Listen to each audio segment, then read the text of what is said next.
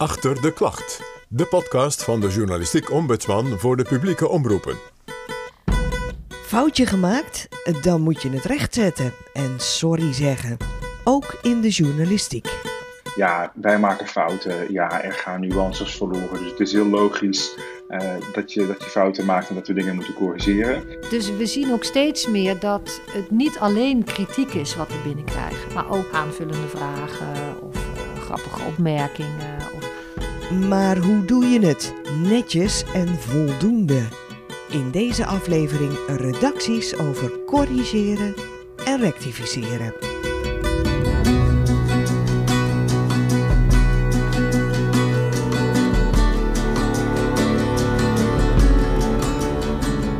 Fijn dat je luistert naar Achter de Klacht. Ik ben Margot Smit, de ombudsman voor de journalistieke programma's van de publieke omroepen.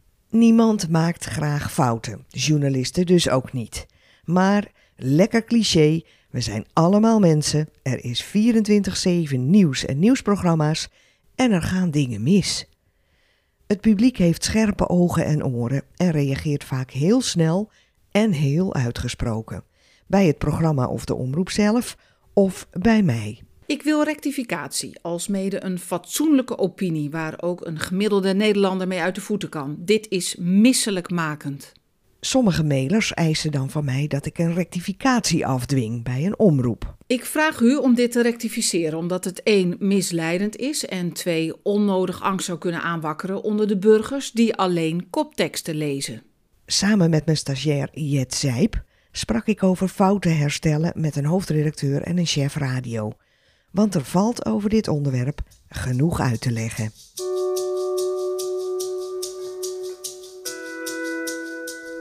Om te beginnen, wat doe je als redactie met een echte fout? Zo eentje waarover geen enkele discussie is. Of het nu gaat om een naam verkeerd spellen, het opnoemen van een verkeerd getal of een wat grotere inhoudelijke fout, zoals het onjuiste conclusies trekken uit een wetenschappelijk onderzoek. Op alle redacties gebeurt het wel eens. Bij de publieke omroepen werken journalistieke redacties met de zogenoemde journalistieke code. Mocht je die nou helemaal eens willen lezen, die staat op de Ombudsman-website. Ik gebruik die code als ik klachten krijg. En die code is glashelder over dit soort echte fouten. Wanneer blijkt dat een publicatie onjuistheden bevat of verwijtbaar onvolledig is, worden deze zo snel mogelijk en op een passende wijze gerectificeerd. De wijze van rectificeren verschilt per redactie en type medium en valt onder de verantwoordelijkheid van de betreffende hoofdredactie. Correcties en aanvullingen van journalisten zijn te vinden op de websites van de betreffende omroepen of programma's. In de klachten die we net lieten horen vroegen mensen of ik voor een rectificatie kan zorgen. Maar de code zegt het precies zoals het is. De hoofdredacteur is verantwoordelijk voor hoe en waar een fout hersteld wordt. Een redactie gaat zelf over hoe zendtijd of kolommen gevuld worden. Die redactionele autonomie en persvrijheid staan in de wet. Ik kan niet opdragen wat journalisten moeten zeggen of schrijven. De hoogste macht in ons land, en dat is de rechter, die mag wel aan die redactionele autonomie komen, maar wel met een goede onderbouwing. Voorbeeldje: Prins Klaus, de man van toen koningin Beatrix, eiste meerdere malen via de rechter dat foute berichten in roddelbladen over de familie of over zijn ziekte gecorrigeerd zouden worden. De rechter gaf hem steeds gelijk, de bladen schreven aantoonbare nonsens en ze moesten die groot rectificeren. Ik als ombudsman, ik kijk of er door het programma en de journalisten volgens de code is gehandeld. Fouten moet je herstellen dus, zegt de code, en snel. En zoiets maak ik dan bekend. En ik maak natuurlijk stampij als een redactie een fout niet zou willen herstellen. Want dat is uiteraard dom en niet best voor de reputatie van zo'n redactie. En dan zeg ik het nog netjes. Bedenk je één ding, we hebben het dus hier over echte fouten, hè? We komen later nog wel even op die andere zaken waarover ik ook veel klachten krijg. Wanneer mensen vinden dat de journalist het fout heeft gedaan, maar waar het uiteindelijk over verschil van opvatting blijkt te gaan.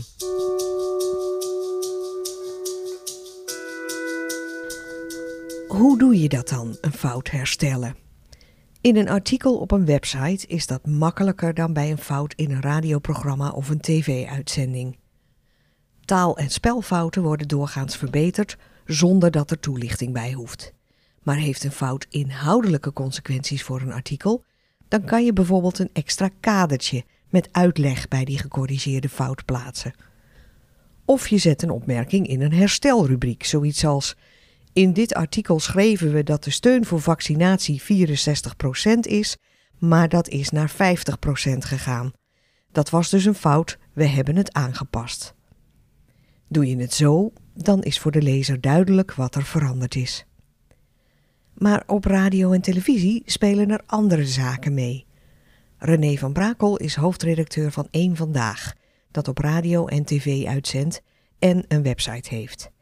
We interviewen hem via een digitale verbinding bijvoorbeeld een fout in een, uh, in een naam of in een cijfer, als dat gebeurt, dan passen we die uh, aan en dan zetten we in principe geen uitleg bij. Dus stel dat we meneer Jansen met dubbel S uh, hadden moeten schrijven. Het was één S, dan passen we dat zo snel mogelijk aan. Vinden we het vervelend en zeggen we tegen meneer Jansen sorry, dat hebben we even niet gezien. En dan tikken we de naam meteen juist. Eigenlijk is de stelregel, is het een inhoudelijke fout die gevolgen heeft, dan pas je hem zichtbaar aan taalverbeteringen vandaag door onze luisteraars. Want bij het gesprek over diabetes zei hij: als je diabetes type 1 hebt, is de kans op overlijden vijf keer zo groot dan bij iemand zonder diabetes. Nee, je voelt hem al aankomen. Heb dat gezegd? Dat heb je wel gezegd. En daar stuurde Fabius over in: vijf keer zo groot dan. Stond dat zo op je blaadje, Jurgen, of maakte je zelf die fout? Nou, als dit fout is, dan stond het op mijn blaadje. Ja, nou ja, dat is goed. Bij Geintje natuurlijk. Geintje natuurlijk. En wat je hier hoorde was een fragment uit het Radio 1-journaal.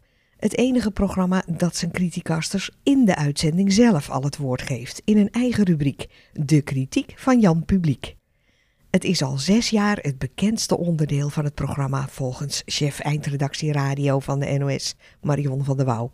Haar kunnen we nog net wel bij de studio's ontmoeten komt van alles binnen. Hè? Daar komen vragen binnen als: hoe doe je dat toch iedere ochtend om zes uur presenteren? Wat betekent dat voor je persoonlijk leven? Tot heb je geen ontzettende slaapproblemen als je dit werk moet doen? Tot maar hoe bericht je nou over Malawi als je in Zuid-Afrika zit? Dus er zijn ook vragen naar het journalistieke proces. Die range aan onderwerpen wordt steeds groter. Er zijn ook steeds maar binnenlandse onderwerpen. Hè? De hele corona-aanpak. Uh, de vaccinatie, de afwegingen die erin gemaakt worden, uh, QR-codes, vaccinatiedwang, drang, plicht, noem het allemaal maar op. Het aantal terreinen waarop het kwetsbaar wordt, het aantal onderwerpen neemt wel toe. Ik vind het zelf een heel prettig onderdeel, omdat het vaak wat lichtheid geeft en inderdaad ook omdat je benaderbaar bent. De presentator in dit geval en de co-host zijn benaderbaar. Je kan met ze praten, ze geven je antwoord, je kan direct je vraag stellen via een app. En we krijgen inderdaad natuurlijk ook veel reacties, maar dat krijgen alle programma's, denk ik.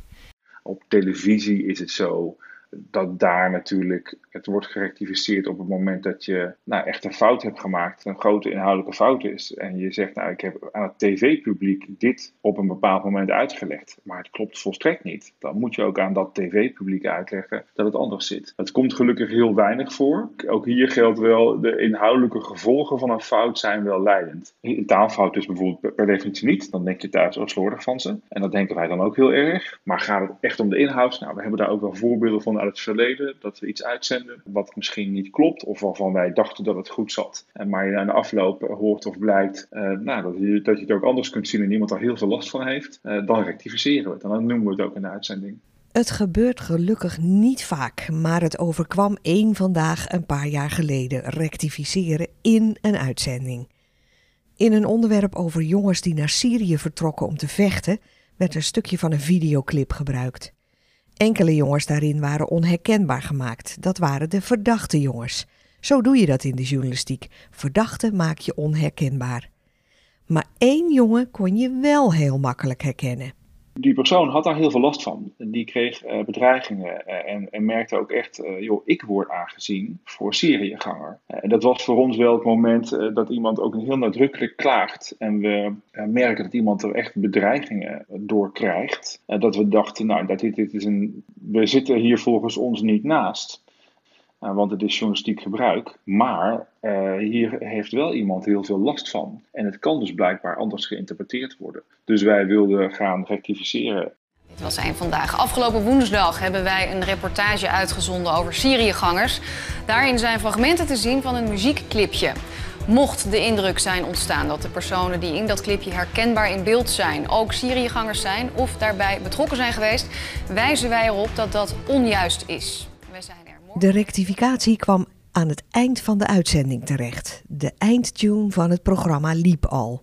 Volgens de rapper was het geen lekkere plek. Ja, voor ons is dat, was dat natuurlijk een, een soort van normale keuze. Omdat we dachten, nou, je hebt, je hebt een uitzending waarbij we altijd beginnen met het laatste nieuws, het belangrijkste wat we de kijker willen vertellen. En een kijker kijkt, nou, zien wij aan de data, dus zien wij aan hoe het publiek onze uitzendingen kijkt, helemaal. Sterker nog, vaak is het midden en het eind van de uitzending het best bekeken. En omdat we na een reclameblok beginnen, zie je dat het begin van de uitzending eigenlijk wat vaak wat minder kijkers heeft. Niet elke dag, maar meestal wel. En je moet daar ook niet bang voor zijn. Uh, ik weet niet of dat in de journalistiek nog een rol speelt. We vinden het misschien sowieso als mens of als samenleving soms moeilijk om fouten toe te geven.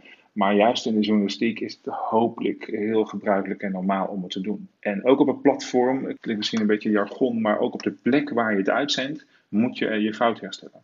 En er is dus een programma dat dat letterlijk neemt. Hetzelfde platform, dezelfde plek waar je het uitzendt. Dat is dus het Radio 1-journaal. Dus in Jan Publiek, toen dit programma begon zes jaar geleden, toen vonden we het ook belangrijk om daar ruimte voor te bieden in het programma. Volgens mij gebeurt dat op radio eigenlijk verder nergens.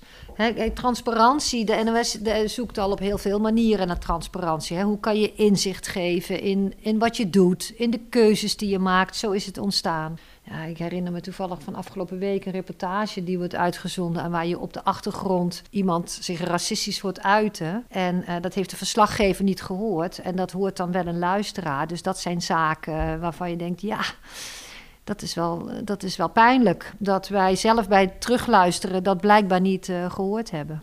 Ja, we beginnen vandaag deze Jan Publiek met het uh, aanbieden van onze excuses. Want na zes uur hebben we een reportage uitgezonden... waarin een van onze verslaggevers de Formule 1-race meekeek met enkele fans. En daarin waren enkele racistische opmerkingen te horen tijdens het kijken van die race. Ja, dat is natuurlijk verschrikkelijk. En daar bieden we onze excuses voor aan. Uh, 100% fout, 200% excuses zou ik willen zeggen. We... En het helpt aantoonbaar, zo'n in-house critic, waar je direct, ruimhartig en snel kunt reageren op fouten. Want in mijn ombudsman mailbox hebben de afgelopen jaren vrijwel geen klachten gezeten over het Radio 1 journaal.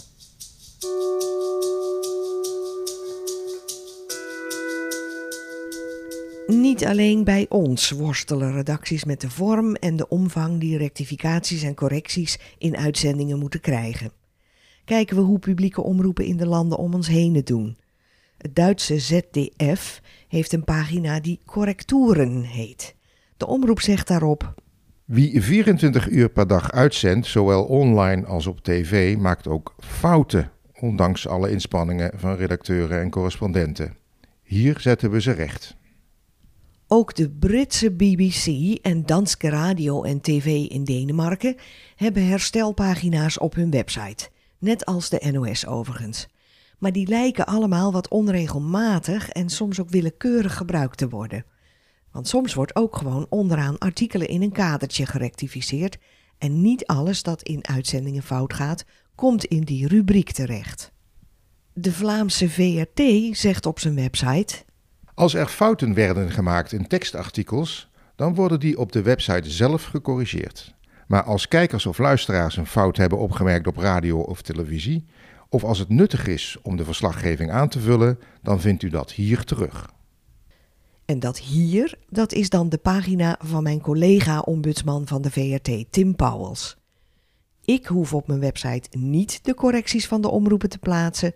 Dat moeten de omroepen hier op hun eigen pagina's doen. En waarom is het dan belangrijk om fouten te herstellen? Uiteraard en allereerst omdat je natuurlijk geen foute informatie moet brengen. Maar een prettige bijkomstigheid is dat het publiek het blijkt te waarderen als journalisten fouten herstellen. Het draagt bij aan het vertrouwen in wat een redactie doet.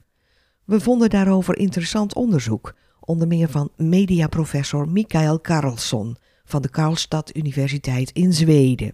Toen we hem mailden over zijn meest recente onderzoek, schreef hij ons dat het publiek dat hij onderzocht allereerst dit heel belangrijk vond in de woorden van zijn onderzoek. Getting the facts right, getting the right facts, and getting the facts first hand, which means preferably based on the journalist not only being there, but also being knowledgeable about the local context. Vervolgens, zegt Carlson, moet er natuurlijk hersteld worden als er iets fout gaat. Uitleg over de reden waarom een fout werd gemaakt is dan fijn. Maar het belangrijkste is dat de fout prominent hersteld wordt en dat je je publiek er actief op wijst. En, zegt het publiek, de rectificatie moet het liefst op hetzelfde platform worden gemaakt als waar de fout zat.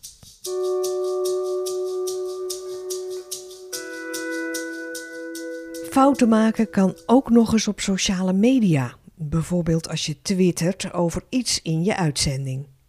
Geachte mevrouw Smit, graag wil ik u op de hoogte stellen van ons ongenoegen over de manier waarop één vandaag de suggestie wekt dat 62% van alle veehouders hun dieren niet goed verzorgt. Zoals u wel weet worden er in de hele geschiedenis dieren mishandeld, dus prima dat daar een nieuwsitem van wordt gemaakt. Wij vermoeden daarentegen dat een vandaag er alles aan heeft gedaan om te suggereren dat veel boeren hun vee verwaarlozen, terwijl dit niet zo is. Ik verwacht dat hier wat aan wordt gedaan. Met vriendelijke groet. Jij noemde straks een uh, voorbeeld over veehouders. Dat was een tweet waar heel veel cijfers in stonden. Uh, een van die cijfers, uh, over, over, welke groep veehouders het ging, dat klopte niet. Dat moet je wel uitleggen. En dat deed één vandaag dus. De klager kreeg een e-mail en er kwamen twee tweets ter rectificatie. U heeft gelijk dat er op 6 augustus in een tweet een belangrijke nuance per ongeluk is weggelaten. Voor de goede orde. Op de tweet na is in alle overige uitingen sprake van een correcte weergave. Vervolgens is er nadat de fout is opgemerkt een tweet geplaatst waarbij de fout is hersteld en daarna een tweet bent nog eens de correcte weergave van de feiten. We hebben in het verleden een discussie gehad over dat iemand een fout maakte in een tweet, een collega, en die tweet vervolgens verwijderde. Maar dat is natuurlijk een soort van de, in de geschiedschrijving niet correct. Je moet eigenlijk, en dat doen we dus nu ook, en dat hebben we daarna bij Fout op Twitter ook gedaan, gezegd: nieuwe tweet met rectificatie erin. Of we hebben zojuist dit gemeld in een tweet, maar het moet dat zijn. Want dan, dan ben je pas echt transparant.